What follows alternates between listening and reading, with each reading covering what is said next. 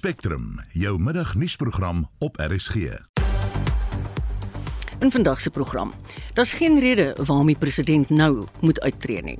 If they want to charge the president, they'll do so at the proper time. I think we should allow that process to unfold. Ons kry perspektief op die gebeure die week in die Senzomiwa saak.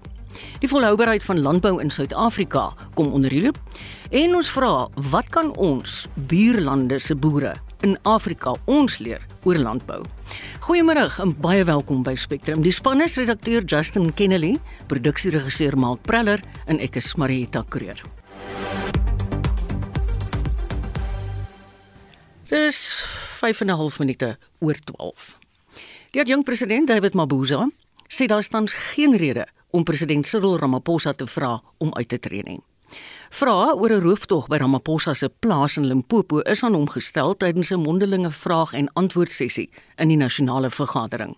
Zelin Merrington berig. Alhoewel vrae oor die beweerde roof nie op die vooraf opgestelde lys verskyn het nie, was dit geen verrassing dat opposisiepartye die kwessie onder die soeklig sou bring nie. Die DA se hoofsweep, Siviwe Kwarube, het gevra of Ramaphosa sy konstitusionele verantwoordelikhede versaak het deur nie die beweerde misdaad aan te meld nie. So based on the constitutional responsibility that the two of you have, would you agree that the admission by the president that millions of dollars on his private property that were stolen and not reported to the criminal justice system cast doubt on his ability to uphold the rule of law, which is his responsibility and yours, which is central to your role, and his ability to manage the cabinet. We should allow the respective law enforcement agencies to investigate without our interference and finally made their investigation known if they want to charge the president, they'll do so at the proper time. So I think we should allow that process to unfold. EFF LP Lenguem Kalipi wou weet of hy reg staan om die leiersels oor te neem. Will you be ready to assume the responsibilities should he resign as provided for in the constitution in relation to this criminal cloud hanging over the president's head? Will you attempt to convince him that staying in the office is not in the country's interest? Thank you very much, Speaker. I don't think we've reached any point that seeks to say the president must step down. All I know is that a case has been opened and we've allowed the different institutions of our country to investigate and make a determination. And beyond that, probably a decision will be taken after a determination has been made. Dit was die adjunkt president David Mabuza, Zelin Merrington, parlement. Die EFF sê die Sunday Times is bevooroordeel wanneer dit by beriggewing oor president Cyril Ramaphosa kom. Julius Malema sê die koerant het homself aangestel as Ramaphosa se beskermer wanneer dit kom by gerugte van korrupsie en ander beweerde wandade deur die president. Dit volg na die storie oor die beweerde diefstal by Ramaphosa se plaas in Limpopo. Die redakteur van die Sunday Times, Sitmbiso Msomi, sê Malema se uitlatings is ongegrond. Mr. Malema was reacting to a question asked by a colleague at the press conference that he held. He seemed to be unhappy with the question that my colleague Mawande asked him about the Guptas. I think first of all we need to state that Mawande had gone to the press conference because we did think that what the EFF had to say on the issue around President Ramaphosa was important and we wanted to report on that. So it was not like we didn't want to report on that, we just wanted to uh, focus on the Guptas. And but when you look at the coverage of the story on Sunday, every day since the story broke, but especially because we spoke about our Sunday edition, Sunday Times, I don't see anything that you can say the newspaper is trying to cover up for the president. We put the story on the front page. We worked all out to get the affidavit when it was not available. We were one of the few newspapers that actually ran the full affidavit. We ran the story on page one and on page five, and there were several other articles.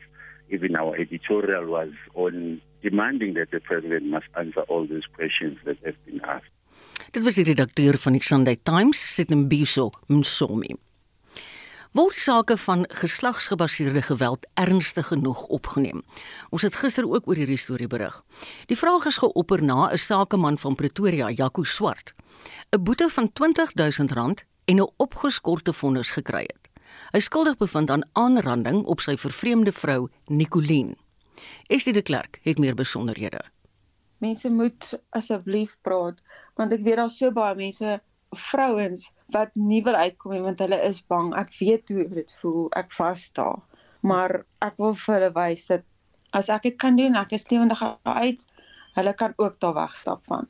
Die vrou wat hier praat is Nicoline Swart. Sy het 'n nuwe lewe saam met haar seuns begin en sê sy wil vroue aanmoedig om weg te stap uit situasies van geweld waarin hulle vasgevang is.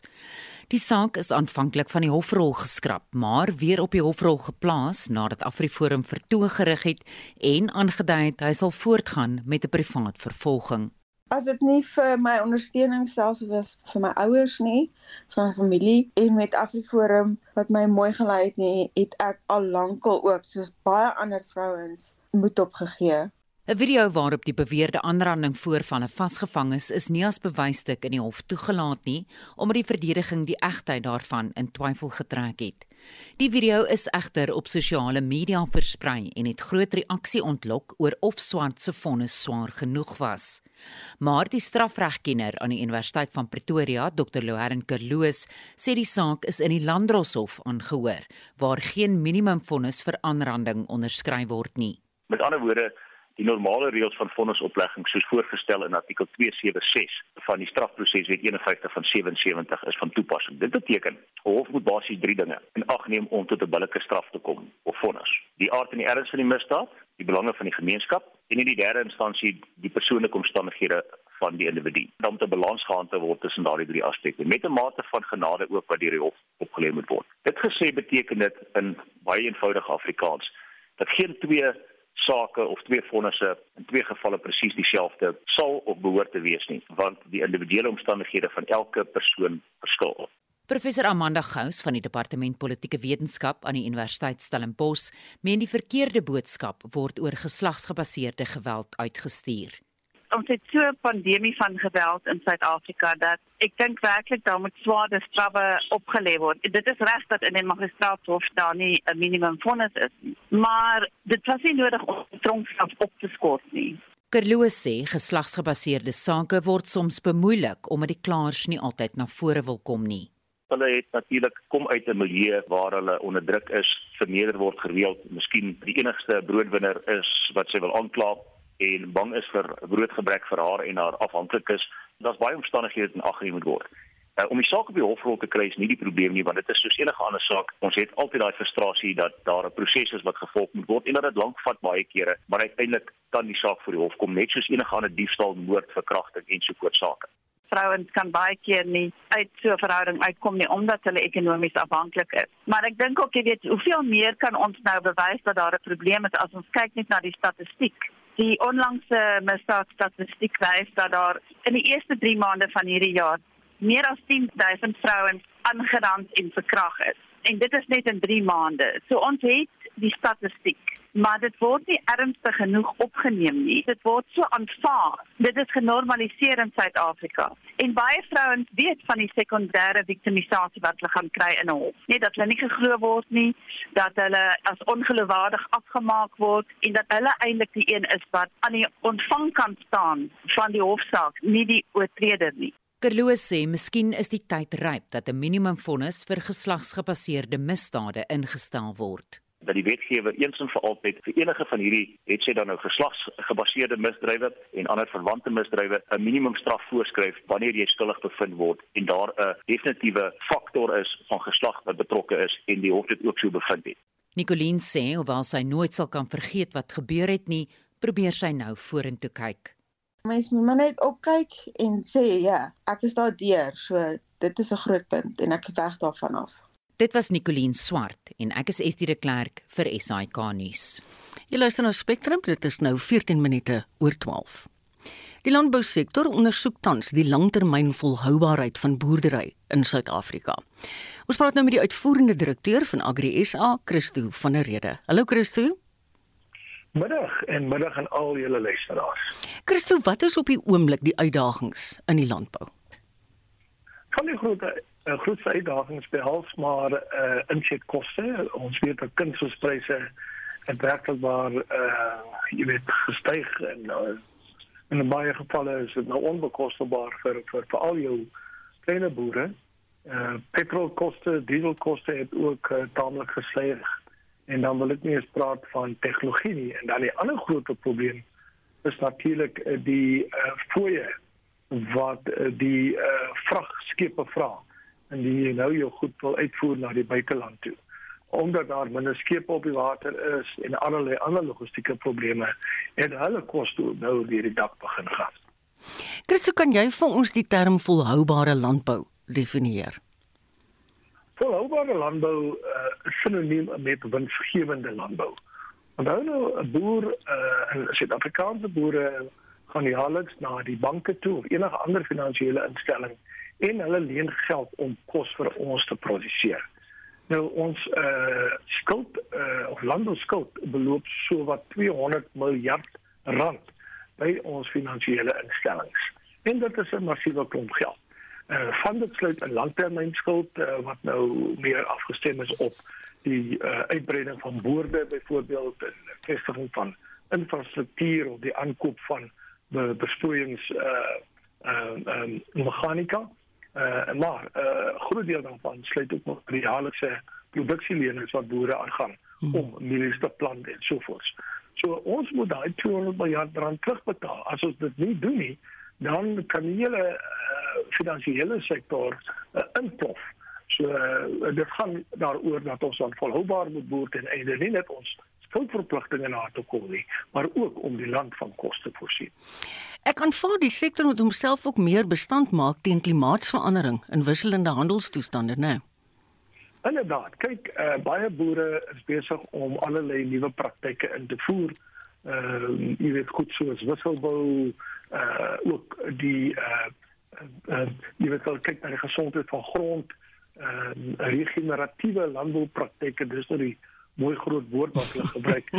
uh en dan uh, jy weet ehm uh, AgriSA het ook vir hierdie jaar uh ehm uh, 'n soort van 'n posisie ingeneem uh om ons boere baie meer bestand te maak teen uh die uh of die uh, hulle te help om die impak van uh klimaatsverandering te mitigeer. Maar die ander groot probleem is indien ons nie ons koolstofvoetspoor gaan verklein mm. mm. in Suid-Afrika nie, mag dit daartoe lei dat die Europese Unie en ander gevorderde markte uh, doodeenvoudig uh, weier om ons produkte uh, uh, in hulle markte te versprei of na hulle markte toe te versprei want ons uh, belê nie ons uh, jy weet ehm uh, uh, of ons is nie belê met die ooreenkomste internasionale ooreenkomste wat gesluit word om uh, die koolstofvoetspoor dwars oor die wêreld te verklein. In hoe mate is die is die boere wat dit reg kry? Is hulle opmerklik of is hulle maar aan die minderheid? Kyk, ons het bepaalde instellings in Suid-Afrika soos die PPCEB, hulle uh, kyk na uh, die handhawing van uitvoerstandaarde en so voort. So uh, ons het uh, baie baie boere in Suid-Afrika wat hoogs suksesvol uh, uh, meeding met die mm. res van die wêreld want hulle voer uit mm. op groot skaal na Europa, na die uh, Verenigde Koninkryk, na Indië of uh, nie Indië nie, maar die ooste uh, as ook die verre ooste. Uh, en dan in 'n kleiner mate is daar mense ook wat ook uitvoer na uh, Noord-Amerika byvoorbeeld. So om op daai terrein te kan meeding, moet jy voldoen aan 'n hele klomp vereistes. Dis nie net ekologiese uh, vereistes waaraan jy moet voldoen nie, maar daar's arbeidswetgewing en daar's kwaliteite en standaarde wat jy moet nakom. Uh, so uh, ek dink ons uitvoerboere uh, is werklik waar mm. of kan werklik gereken word as van die beste in die wêreld en uh, hulle het ons absolute ondersteuning nodig want hulle verdien buitelandse valuta ja. wat so broodnodig is vir mm. ons land. Christo baie dankie. Dit was die uitvoerende direkteur van Agri SA, Christo van der Rede. Ons bly by die onderwerp en gesels nou met die hoofbestuurder by Agri All Africa, Dirk Hanekom. Goeiemôre Dirk. Goeiemôre Marita. Wil jy nie net eers asseblief vir ons sê wie is Agri All Africa nie? Agriol Africa is um, is 'n uh, is 'n uh, nie uh, winsgewende maatskappy wat gestig is. Ons is eintlik om dit makliker te vir die luisteraar te maak. Ons is die ou Afrika Komitee van Agri SA gewees tot en met 2015 toe die uh, die uitvoerende bestuur daar besluit dat uh, die die die Afrika Komitee sal uh, sal ophou bestaan uh, weens 'n uh, binnelandse fokus en ons het toe uh, onafhanklik van Agri SA Agri World Africa gaan stig maar maar met ons wortels baie stewige grond binne die begrip van van georganiseerde landbou en en toe met die kommersiële landbougeleenthede in Afrika mm. uh, hande gevat maar ons werk baie nou saam met al die georganiseerde landboustrukture in Suid-Afrika. Dirk van jou oogpunt af, hoe vergelyk die landbousektor in ander Afrika lande met die hier by ons? Maar het die uh, die Afrika is besig om op te vang vinnig. Mm. Ook maar hulle het 'n klompie hulle het 'n klompie historiese uh, aspekte wat hulle nog lekker potjie in hierdie proses goed soos infrastruktuurontwikkeling die kwessie van dat hulle nie titelaktes het nie die de wat uh, wat vir natuurlik nie vermoë gee om geld te leen by banke waar hulle kan hefbome om hulle kommersiële boerdery te begin nie en eintlik in noord van die Ewenaar het jy baie weinig kommersiële boere. Hmm. Eh, die kommersiële boere en titelaktes wat saam met mekaar hardloop is maar eintlik in Suider-Afrika. En in 'n sekere opsig het ehm um, dit die landboupotensiaal en ontwikkeling in die res van Afrika het Suid-Afrika 'n tipe van 'n hekkie geword waar buitelandse investeerders belangstel om deur te beweeg om die res wat dat Afrika in terme van sy baie baie groter ehm uh, uh, hoë waarde landbougrond, sy toegang tot uh, baie meer landbouwater. Net wie idee te gee as jy vergelyking wil tref, uh, ons het maar tussen 3 en 4% van die hoë waarde landbougrond in Suidelike Afrika uh, vergelyking met ons bure en uh, en nog 'n bietjie minder water, maar ons produseer meer as 70% van die varsprodukte wat vir jou min of meer wys wat ek probeer sê. Mm. Hulle is agter met uh, tegnologie, kennisoordrag en bestuurservaring, maar hulle sit eintlik met die hulpbronne en dit is die gaping wat oorbrug moet word. Kry jy die indruk dat in ander Afrika lande die regerings 'n groot rol speel om te help met volhoubaarheid in landbou? Uh, sonder die minste twyfel. Ehm um, ek dink die rol wat Suid-Afrikaanse en Zimbabwese boere in die laaste 15 en 20 jaar gespeel het van Agriol Afrika se kant af het dit gemoniteer. Ons het kontak met meer as 4.500 boere in 45 van die 55 lande in Afrika werk. Hmm. En ons kom by elkeen van hierdie tee hoe instrumenteel die regering geword het. Dis dit het voor en nadele. Beide in die feit dat hulle die primêre bemarkingsorganisasie platforms het wat uh, wat die landboupotensiaal in hulle lande moet bevorder, maar ook hulle gebrek aan uh, georganiseerde landboustrukture. Hulle het nie iets wat in Suid-Afrika begin het soos 'n 'n studiegroep wat uh, wat 'n uh, plaaslike distriks in, in landbou assosiasie geword het wat later in 'n provinsie uitgebrei het en op 'n nasionale vlak verteenwoordig is dan van 'n groot klomp boere stem en hulle het dit dood eenvoudig nie. Die regering is uh, tot 'n groot mate nog in rol uh, binne in die rol van waar 'n beleid gevo ge geformuleer moet word om dit baie op hulle eie te doen sonder uh, die boere se georganiseerde hmm. insette. En dis deel van die werk wat Agri All Africa ook doen om daai strukture wat georganiseerde en kommersiële landbou saamwerk om 'n land te ontwikkel in die plekke uh, op die been te bring. Maar tot dit gebeur sal hy altyd die die um, die regeringe uh, in die res van Afrika sien dat hulle regtig 'n groot rol speel en hulle moet ook op hierdie op hierdie stadium. Dink jy ons regering speel 'n genoegsame rol? Wel ek kan vir jou sê my ervaring is ons kan gaan leer by baie van hierdie lande. Uh, ek dink die manier hoe hulle hulle beleggingsportefeulje struktureer, hoe maklik hulle dit maak vir geld om in en uit die land te beweeg die aanlokkingsmiddels en die insentiewe is baie beter as in Suid-Afrika. Hulle is regtig waar ehm uh, na stigtelik op soek na Suid-Afrikaanse en Zimbabwe boere om te kom help. Ek dink ehm uh, mense besef ons eers die waarde van iets nadat jy dit verloor het, wat jy verloor het, Marita. En ek dink dis iets wat die Suid-Afrikaanse regering baie dringend moet aandag gee. Ons sien tekens daarvan. Georganiseerde landbou en ek het na Christo nou ge geluister. Ehm um, soos uh, Agri SA en die PLE en SAI en die mense werk baie hard daaraan. Ehm um, maar ek dink nie ons land uh, besef wat ons het nie en wat ons verloor in, in hierdie proses nie. Ja. Baie dankie Dirk. Dit was die hoofbestuurder by Agri All Africa, Dirk Hanekom. Nou vir iets heeltemal anders. Die Wes-Kaapse premier, Ellen Windey, en die provinsiale minister van onderwys, David Meyer, het twee skole geïdentifiseer wat deel gaan wees van 'n wêreldwye inisiatief. En ons praat nou met premier Windey. Goeiemôre, Ellen. Goeiemôre, dankie, lekker om saam te wees. Ja, dis so lekker om goeie nuus te kry. Vertel ons asseblief, wat is hierdie aankondiging? Ons het eintlik nie vir hulle geïdentifiseer. Hulle is nou uh finaliste. Mm in die topskole in die wêreld kompetisie. Ehm um, nou uh, ek weet nie wat die wat die uh wat dit is in Afrikaans, but it's overcoming adversity. O ja. Is die is die is die kategorie en dis West End Primêre Skool uh in Mitchells Plain Ja. en dis Pinelands Noord uh Primêre Skool in Pinelands. En uh, albei van daai skole is die twee skole in ons land wat nou finaliste is in die topskole in die wêreld uh, uh toekenning. Uh Oktober maand is wanneer die uh, ons die finale uh of die finale uitslag gaan hoor. Maar ek is so trots op hierdie twee skole uh, en wat hulle gedoen het en hoe hulle gemeenskappe bymekaar bring en uh, ook om te sê dat uh, ons het daarom twee, twee skole in die Weskaap wat nou uh, kompeteer uh, wêreldwyd. So met ander woorde, hulle is geïdentifiseer deur 'n buiteliggaam. Dis nie julle wat hulle voorgestel het nie. Nee nee nee nee, dis 'n buiteliggaam, dit is internasionaal en uh, hulle hulle het obviously aansoek gedoen en hulle is nou finaliste in hierdie in hierdie uh, proses.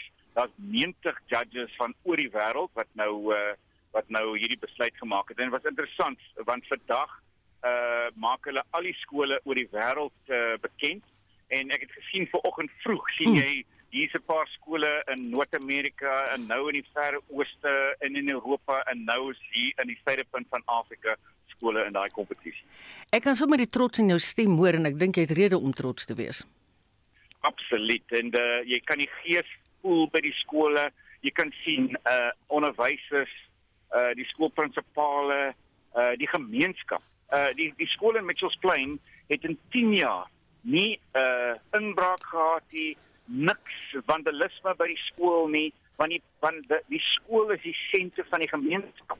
Uh selfs in Pinelands ook om te sien die diversiteit jy jy voel net hier's 'n toekoms en uh, en dit is dit is regtig 'n goeie oggend gehad uh, met albei van hierdie skole. Wie was die opvolger van Debbie Schuyfer? Dit is David Mania. O, ek het dit mos al gesê in my inleiding. Nee, hoekom ek jou vra is want ek dink 'n groot deel van hierdie het miskien nog in Debbie se tyd gebeur, dink jy nie?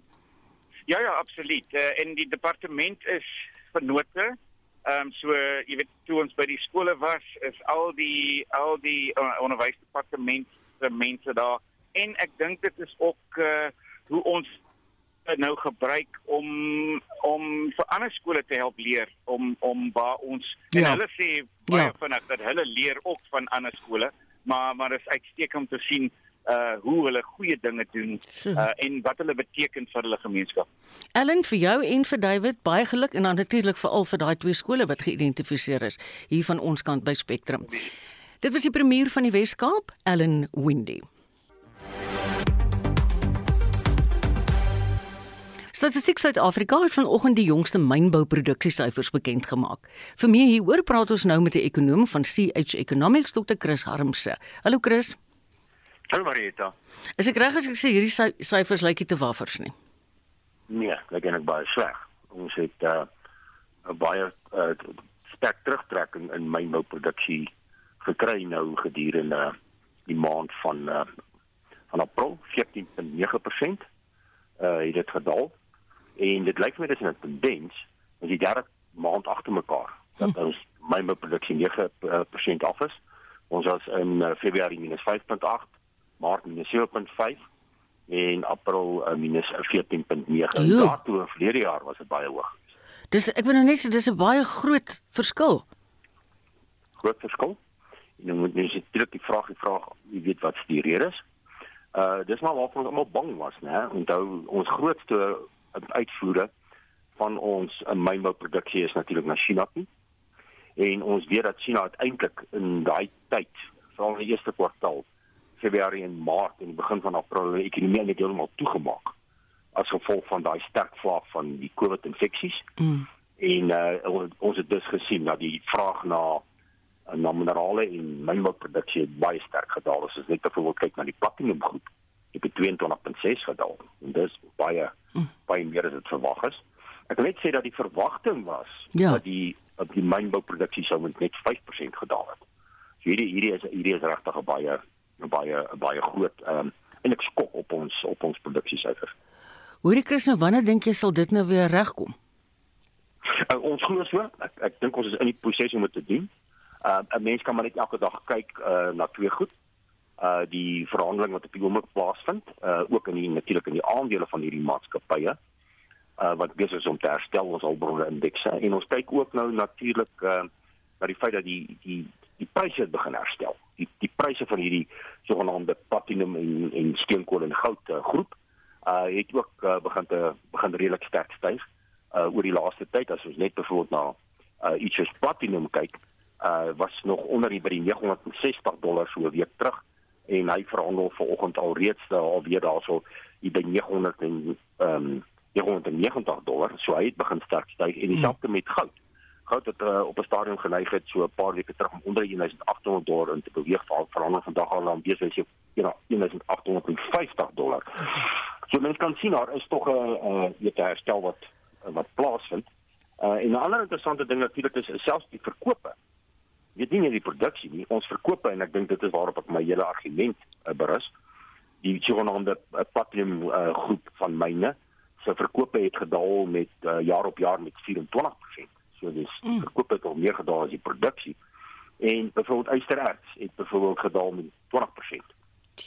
Terwyl uh, steenkool met 14.7% het hulle uh, het hulle natuurlik produksie afgeneem. So ons het definitief 'n swak vraag na buiteland gekry. En daarom is ons ekonome baie skrikkerig dat ons wel in die tweede kwartaal uh, negatief gaan groei. Ons het gister die uitstekende nuus gehoor dat die ekonomie met 1.9% gegroei in die eerste kwartaal. Ek dink hierdie is 'n uh, aanduiding dat soos almal verwag. Ons kry vanmiddag die vervaardigingssyfers ook uit. Uh, en ons weet ook dat die landbouuitvoere kon nie plaasvind as gevolg van uh, die situasie in Natal nie en dit moet ons ook vir mekaar sê. Ons het in April maand jy reis jy's hierdie vloede gehad wat natuurlik ook 'n probleem gehad het op die uitvoer mm. van hierdie uh van die minerale en natuurlik hulle produksie en hulle verkope. So regtig 'n swak April en dis nogal so ironies, dis die maand waarin ons die mynbou en Daba gehad het onlangs. Ja, natuurlik. Dit is dit ons gehad en ons almal weet dat verlede jaar het my landbou mynbou baie sterk bydra gehad mm. die ekonomiese groei. Mm. Uh en en en natuurlik verrassend het ons nou hierdie uh eerste kwartaal gekry dat dit vervaardiging is hm. Wat met 4% uh gegroei het. Ja. Ehm um, so mense moet dit dan 'n mens moet dit dan ook by sê en natuurlik nog 'n verdere probleem wat ons het en ons gaan nou môreoggend uh, met uh, Susan daaroor gesels is uh die gevaar van die van die van die petrolpryse wat besig is om weg te gaan. Ja, ja, ja. Ons gaan môreoggend meer daaroor verduidelik. Uh, maar op hierdie stadium lyk die begin van Junie ten spyte van die subsidies van die staat nie na 'n goeie prentjie nie. Die vervaardigingssyfers kom 1 uur vanmiddag uit. Wat verwag jy? Wel die verwagting is steeds daar dat dit ook sal daal. Ehm um, uh hier by ehm um, weet tot 3% en 2.5% die laaste syfer wat ek gesien het. So die vraag is nou net het vervaardiging verbeter? Uh, ons moet sien want ons weet nou in Januarie, Februarie, Maart was dit juist vervaardiging wat die ekonomie gestimuleer het. Waar mm. ons gesien het dat die vervaardiging met vir die eerste kwartaal uh het gestyg met met 4%. So hopelik het hy mooi mooi gehou in die in die, in die, in die maand van April uh wat ons ehm um, waarvan ons nou die syfers gaan bekendstel maar die verwagting is dat dit wel tog 'n bietjie gedaal dieselfde redes uh as gevolg van natuurlik die probleme met infrastruktuur en die uitvoere wat hier kom plaasvind as gevolg van die oorstromings nie. Baie dankie. Dit was Dr. Chris Harmse, ekonom van CH Economics. Die wysigingswetsontwerp op diensbillikheid gee die minister van Handel en Nywerheid, Ibrahim Patel, nou die mag om self ekonomiese sektore te identifiseer waar transformasieteikens na sy mening nie behaal is nie en ook te bepaal wat daardie teikens dan moet wees. Die vakbond Solidariteit reken egter dat dit die minister te veel mag gee en 'n geleentheid skep vir korrupsie om weer pos te vat. 'n Dosent van die departement handelsreg aan die Universiteit van die Vrystaat, Grace Stopforth, sê hy is geneig om saam met solidariteit te stem oor hierdie kwessie. Die wysigingswetsontwerp wat gekry onthou is artikel 15 of 14a. Ehm um, sou net meer mag aan die minister gee om sekere sektore te identifiseer waar daar nog steeds 'n uh, 'n uh, uh, underrepresentation is van aangewese groepe So dit sal in in wese ehm uh, beteken dat die minister nou sekere sektore kan identifiseer wat nou baie wyer is as wat die wetgewing voorag uh, die vorige keer voorgeskryf het. Is dit 'n goeie plan om so baie mag te gee? Kyk aan die een kant kan ek insien hoekom dit sou nodig wees want daar is sekere sektore waar daar nog nie voldoende uh representation is in terme van aangewese groepe nie. So die die die idealisme uh, agter die hele besluit kan ek dit verstaan. Maar in die die huidige situasie waarin ons self bevind met die regering, met staatsentiteite en die moontlikheid van korrupsie en die moontlikheid van bedrog, ons ons kan dit definitief nie ignoreer nie. Ehm um, is dit nogal 'n uh, 'n groot ehm um, risk om so baie mag aan 'n minister te gee. En is daar meer duidelikheid oor hierdie planne? Dan vir my opinie nee. Uh, daar mag dalk meer vereistes en so gestel word en uh, ek dink dat as jy wysigings sou deurgaan met die wye diskresie wat die minister het, sal dit regtig 'n groot knou gee aan besighede en ek dink meer al groot skaal besighede wat wel nou besigheid doen dat hulle nie aan daai ehm um, gelykheidsvereistes sal voldoen nie. So ek dink in terme van die die plan rondom die die die moontlike impak wat dit sal hê op die ekonomie en ook die die sakewêreld is nog nie vir my reg uitgestryk nie. Is daar enige plek in die wêreld waar hierdie of so 'n soortgelyke plan wel werk en reg toegepas word? In my opinie ek het nog nie iets hierpe gekom wat wel so perfek werk in terme van van eh uh, uh, rasbepalings nie. Ons het al in die geskiedenis voorbeelde gehad waar hulle dit wel toegepas het waar dit oor dekades heen gestrek word as mens nou dink aan sekere gevalle in die VS maar ons praat nou hier van dekades terug. Ehm um, het dit op die ouene van die dag nie noodwendig die sukses bereik wat dit sou bereik het nie. Hmm. Solidariteit sê dit kan 'n teelaarde word vir korrupsie, dink jy so? Weerens in in die huidige situasie waarin ons is en alles waaraan ons blootgestel word nou uh, in terme van die media en ook binne die publieke sektor, is ek geneig om saam te stem met hulle. Nits daar nie 'n streng oorsigtelike rol sal wees in terme van om te gaan kyk of hierdie plan reg toegepas word en of hierdie te tekens um, wie weet werklik bereik word. Maar soos geskiedenis ons nou geleer het en sodat ons soos ons nou al gesien het net in die afgelope wat ek sê jaar is korrupsie en bedrog 'n diep inherente deel van ons publieke sektor en as daai nie eers um, reggestel word en aangespreek word nie wil ek amper sê dat dat die toekoms homself gaan voorskryf en dat, dat ons weer korrupsie sal sien en weer bedrog sal sien. Susan Paxton het gepraat met Gray Stopforth, 'n dosent aan die Universiteit van die Vrystaat se departement handelsreg. Kort voor 1. Die Kaapse Wynland distriksmunisipaliteit se branddienste het in die vroeë oggendure 'n brandspan na die brand op die Lourensfort landgoed ontplooi. Die woordvoerder Joanne Otto het die jongste hieroor. Die brand wat gistermiddag in die verouderde denneplantasie op die landgoed ontstaan het, is deur 'n kombinasie van gemengde plantegroei, buitengewone hoë temperature en die droë weer aangevoer. Die stad Kaapstad se brand- en reddingsdiens is ontplooi. Die brand het egter na die hoë ontoeganklike gebied versprei vanwaar dit in die Groot Nek omgewing in beweeg het tot in die Kaapse Wynland distrik. Die volledig toegeruste KWDM se branddiens is gistermiddag laat op die hoë gereedheid geplaas. Grondspanne wat uit 40 lede bestaan, is in die vroeë oggendure ontplooi. Volgens die stad Kaapstad sal lighulpbronne vanoggend oor die Grootnek gebied ontplooi word. Dit was Joanne Otto van die Kaapse Wynland distriksmunisipaliteit. Die Johannesburg Metro het voorlopig die oorsaak bepaal van die sterk swaalreuk wat hierdie week in Gauteng en selfs in Noordwes geruik kon word. Die Johannesburgse burgemeesterskomitee lid vir die omgewing en infrastruktuur, Michael Sun, sê dit kom van Mpumalanga se nywerheidsgebiede. I requested our officials at the Air Quality Management Unit to investigate the source of the pollution. I have since received a uh, report yesterday afternoon. It appears to be a cross boundary pollution that's been carried over by wind. Um, the source of the pollution seems to be emanating from the Mapumalanga province. The rotten egg smell is usually associated with a chemical that's known as sulfur dioxide, and the operations of uh, electricity generation and other heavy industries are more um, common in the other provinces than in the city of Johannesburg. 'n Buitengewone senior lektor by die departement van chemiese ingenieurswese aan die Universiteit van Pretoria, Gerrit Cornelius, waarsku egter dat as dit swaweldioksied is, dit mense kan siek maak. In baie hoë konsentrasies is dit lewensgevaarlik. Maar die soort van konsentrasies wat ons hiervan praat, het as dit SO2 is, swaweldioksied, het 'n impak veral op die boonste lugweg. So mense kry tipies dan boonste lugweginfeksies, eh, 'n krap in die keel of selfs 'n bietjie rinitis. En mense wat geneig is tot asma gaan meer asma aanvalle kry as gevolg van die gasse wat ons hiervan praat. Sanse hulle gaan voort om Johannesburg se luggehalte te monitor. The city has six operational ambient air quality control units that can pick up different chemicals and the ozone uh, air levels, levels of quality. Uh, we certainly will continue to monitor the situation and ensure that if there are any drastic changes in the uh, current uh, air quality, we will take immediate steps together with the other uh, departments and authorities in the city and also in the province. Michael San, die Johannesburgse burgemeesterskomitee lid vir die omgewing en infrastruktuur. En daai bydrae is saamgestel deur Justin Kennedy wat ook vandag se redakteur is. Die Instituut vir Oordraagbare Siektes sê hy werk nou saam met die Wêreldgesondheidsorganisasie om 'n moontlike uitbreking van masels in Gauteng te beheer.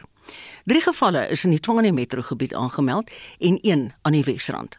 Dr Leslie Bamford, die hoof van die Departement van Gesondheid se inentingsprogram en 'n spesialis in kindergesondheid, sê dit kan vinnig versprei. So currently we do only have the four cases that have been confirmed. The concern is of course that measles is very infectious disease and we know that as soon as there are cases there's a high risk that the small number of cases can very rapidly escalate and that we could see a much larger outbreak. Bamford sê hoewel meeste kinders baie goed van masels herstel, is daar die wat wel baie siek daarvan kan word. Four individuals are recovering or have recovered. They are slightly older children. We know that measles in many cases can be a mild disease, but unfortunately in some children, particularly in younger children, they can develop complications and it can become a very serious condition. Bamford sê dit is uiters belangrik dat ouers moet verseker dat kinders se inentings op datum is. Sy sê die departement het gevind dat dit iets is wat ouers nalat om te doen. Well, of course, we can't predict the future, but we do know that in many parts of the country, immunization coverage rates are suboptimal, and that does mean that there is a high risk of spread both within the province and, of course, to other provinces. Sy sê daar was in 2017 reeds 'n uitbreking van masels omdat kinders nie ingeënt is nie. Because measles is such a highly contagious disease, we know that in order to be sure that outbreaks will not occur, extremely high coverage rates of measles vaccines, 90% or higher, need to be achieved. Now, in South Africa, we managed to vaccinate about 80 to 85% of children uh, with two doses of measles vaccine. So that means that over a period of years, the number of children who are unvaccinated does accumulate, and therefore we know that after a period of about five, six, seven years, uh, we are at high risk of a measles outbreak, and the previous one was in 2017. Of what needs to be done, we do always have surveillance for measles, and we need to strengthen that in Gauteng, but also across the country. Second of all, we have alerted healthcare workers in that area, but also more generally to make sure that all cases of measles are identified. We still need to decide if we will embark on immunization campaigns. And then, fourthly, and very importantly, really just to remind parents and caregivers to please check if their children are up to date with measles vaccine. Dit was die stem van Dr Leslie Bamford, die hoof van die departement van gesondheid se inentingsprogram. Sy is ook 'n spesialis in kindergesondheid en Susan het hierdie bydrae vir ons saamgestel. Ja, hier kom nou nie sulke wonderlike nuus nie. Kom hier, wat British Airways en Kulula vlugte in Suid-Afrika bedryf. Se deure gaan sluit. 'n Brief wat deur die sake reddingspraktisyns uitgereik is, dui aan dat hulle nie die nodige befondsing kon bekom om die lugredery aan die gang te hou nie. Dus hulle glo die maatskappy kan nie gered word nie. Maar ietsie wat positief is, kom eers sê wel. Passasiers wat die week met British Airways sou vlieg, kan ander vlugte by Airlink bespreek teen geen ekstra koste nie. Passasiers wat internasionale vlugte op British Airways bespreek het, kan besprekings maak by SAL. Passasiers wat vlugte op kulula.com se uitverkoping bespreek het net voordat die vlugte opgeskort is, sal hulle geld terugkry voor die einde van die week. En Aline Moses het vir ons die afgelope uur se ontwikkelende nuusstories dopgehou. Die wêreld raak omtrent warm vir president Cyril Ramaphosa. Wat het die adjunkpresident David Mabuza kwyt geraak, Aline? Marita Mabuza sê in hierdie stadium is daar geen rede vir die president om op sy te staan nie. Mabuza is gepeper met vrae in sy mondelinge vraag en antwoord sessie. We should allow the respective law enforcement agencies to investigate without our interference. And finally made their investigation known. If they want to charge the president, they will do so at the proper time. I think we should allow that process to unfold. En oppositiepartye het nie op hulle laat wag nie. Die leier van die African Transformation Movement, Vuyo Zungula, We've got a serious allegations on number one citizen, the head of the state. Parliament can't be not caring about what is troubling South Africans. Therefore, Parliament must schedule a sitting whereby the president can come to Parliament and account. Die spreker van die nasionale vergadering, Nosiviwe Mapisa Nkakula, is ook versoek om ondersoek in te stel. Sy het gesê dat sy 'n brief van die leier van die IDM, Bantu Holomisa, in die verband ontvang het. Dan het ons vroeër berig oor Nicoline Swart wat aangerand is terwyl die voorval op video vasgelê is. Die oortreder, Jaco Swart, is 'n boete van R20000 en 'n opgeskorte vonnis opgelê. Professor Amanda Gous van die Departement Politieke Wetenskap aan die Universiteit Stellenbosch meen die vonnis stuur die verkeerde boodskap uit ons het so 'n pandemie van geweld in Suid-Afrika dat ek dink werklik daar moet swaarder strawwe opgelê word. Dit is reg dat in 'n magistraatshof daar nie 'n minimum vonnis is nie, maar dit was nie nodig om tronkstraf op te skort nie. In ander nuus is die saak teen die vermeende brandstigter Zandile Mafe na die Hooggeregshof in Kaapstad oorgeplaas. Mafe is in hegtenis geneem nadat 'n brand die parlementsgebou vroeër vanjaar in puin gelê het. Baie dankie, dit was Annelien Moses met die ontwikkelende nuusstories van die dag. Die drie verdagtes in die Hillary Gardee moord het pas in die hof verskyn en onthou gerus brandpunt gaan om kwart voor 6 vanmiddag almal op hoogte bring van hierdie saak. Ek groet namens ons uitvoerende regisseur Nicoline de Wee, vandag se redakteur Justin Kennedy en die produksieregisseur Mark Preller. Geniet jou middag in die geselskap van RSG.